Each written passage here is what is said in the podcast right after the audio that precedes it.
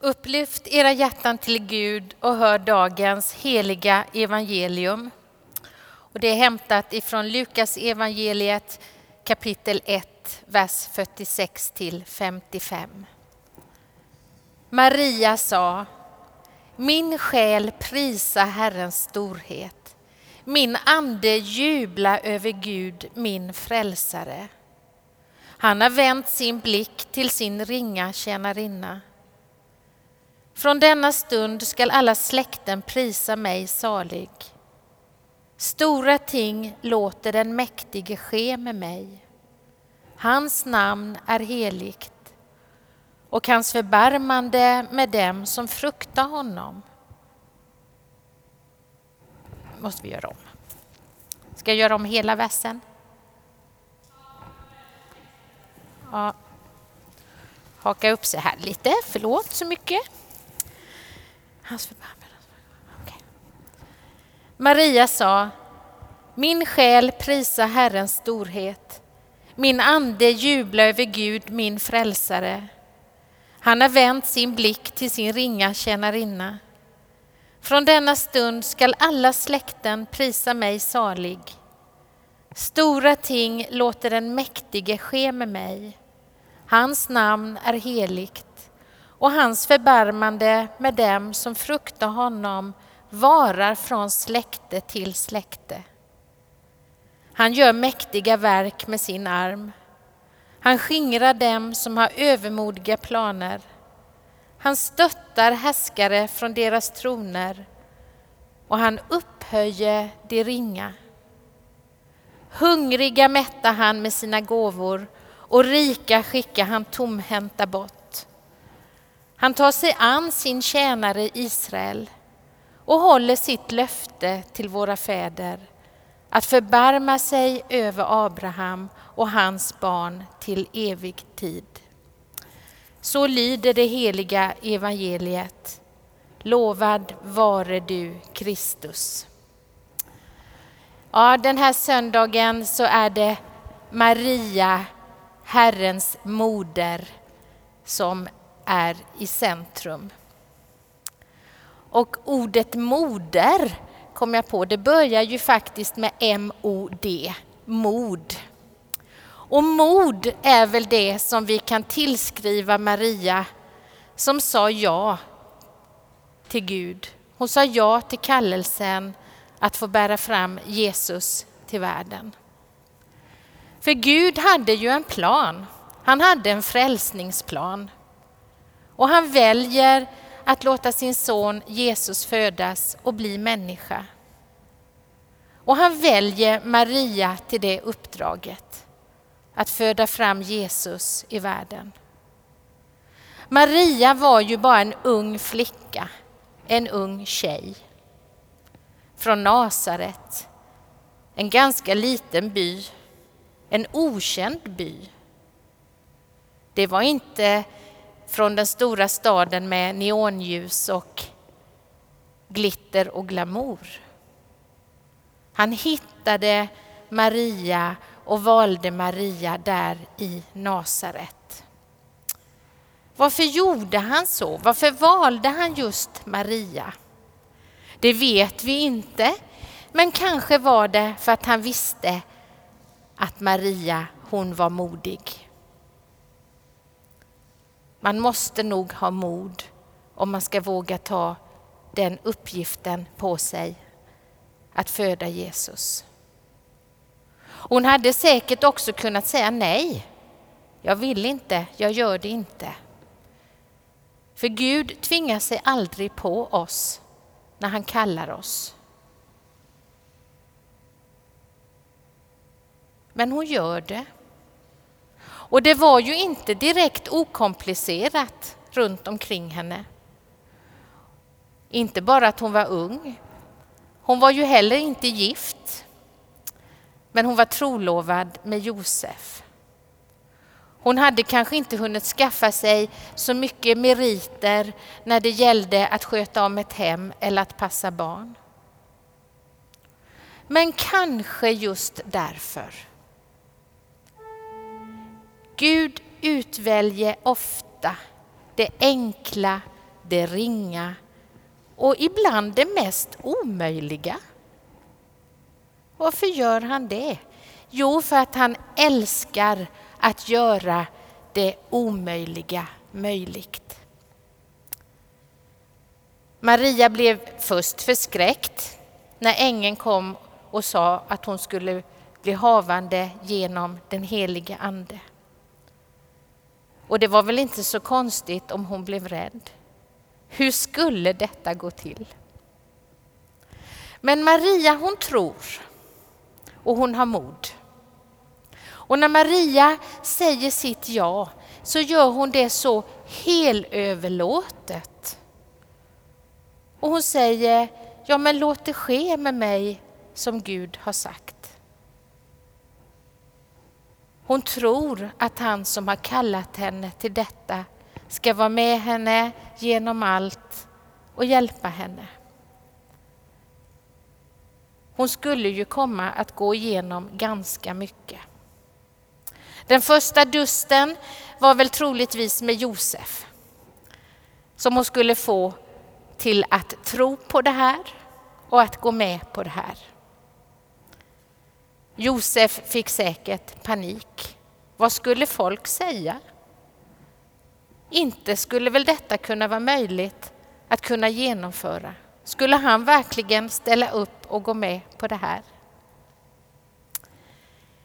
Men Gud talade till Josef i drömmarna och sa att det här är allt, i, det är allt är i sin ordning. Det är så här det ska gå till. Och han ber Josef att gå in att tillsammans med Maria ta det här uppdraget. Och han säger också sitt ja. Josef, han får verkligen inte spela första fiol i det här dramat. Och han vet säkert att han kommer få agera bakom kulisserna. Han kommer aldrig bli omtalad som något annat än timmermannen från Nasaret. Men han har ändå modet att gå in i det här. Han vet att det kommer kosta mycket, men han bara gör det. Och vet ni, den rollen är också så viktig. Där har vi mycket att lära oss, tänker jag, när vi frestas att ta åt oss ära, när vi strävar att komma fram och få positioner i församlingen eller på andra ställen. Vi behöver veta att kyrkans kallelse är allas vår kallelse och vi får vara med i den. Men vi får också olika uppgifter. Maria har ju blivit helgonförklarad men jag tror inte att hon själv såg sig som något helgon. Hon nämns bara på några eh, ställen i Bibeln. Och det skulle faktiskt kunna tyda på att hon aldrig var den som framhävde sig själv. Hon gick inte runt och skröt om att hon var mamma till Jesus. Hon lägger inte heller fokus, fokus på sig själv när hon sjunger sin lovsång. Min själ prisa Herrens storhet. Min ande jubla över Gud, min frälsare. Hon såg sig själv som en ringa tjänarinna och det var liksom livet i henne som ärade och upphöjde Gud. Hon gjorde inget anspråk på att få en position. Och det är också modigt. Igår fick jag en, vers, en mening till mig som, från någon som hade skrivit ner följande. Mod för mig är aldrig att stiga upp på estraderna. Mod är att öppna bildörren på grusvägen och gå dit. Nu hade Maria ingen bildörr att öppna. Men hur stort var inte hennes mod när hon höggravid satt upp på en åsna för den långa, steniga och dammiga färden till Betlehem. Hon visste inte heller var de skulle ta vägen när de kom fram. Det svåraste för Maria var kanske inte att svara ja på kallelsen. Det svåraste var kanske inte heller att föda Jesus, utan den långa vägen fram till målet. Det var inte så enkelt för Maria och Josef. De fick knacka på många dörrar innan de fick hjälp. De gick från dörr till dörr i Betlehem, men det var stängt för dem. Men det öppnade sig för dem till slut. Det var väl inte precis som de hade hoppats och tänkt att det skulle vara. Inte hade de väl tänkt att frälsaren skulle föda sitt stall. Men det visar också att Maria, inte ens Maria, fick en specialväg. Det fanns ingen förlossningsklinik som tog emot. Maria och Josef fick lita på att Gud som hade gett dem det här uppdraget, han var trofast, han skulle hjälpa dem.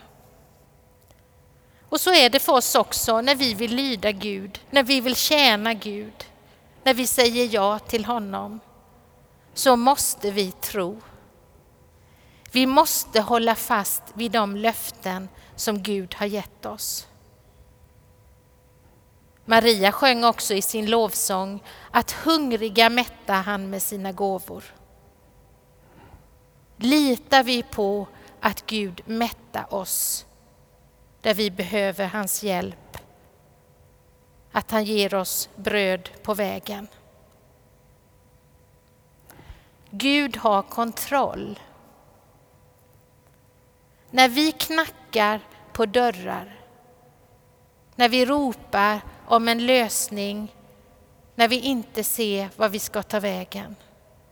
När det verkar vara stängt överallt, då hjälper han oss.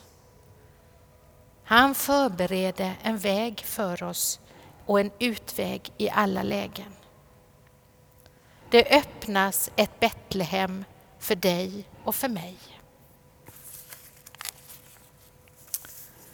Gud behöver modiga kristna idag också.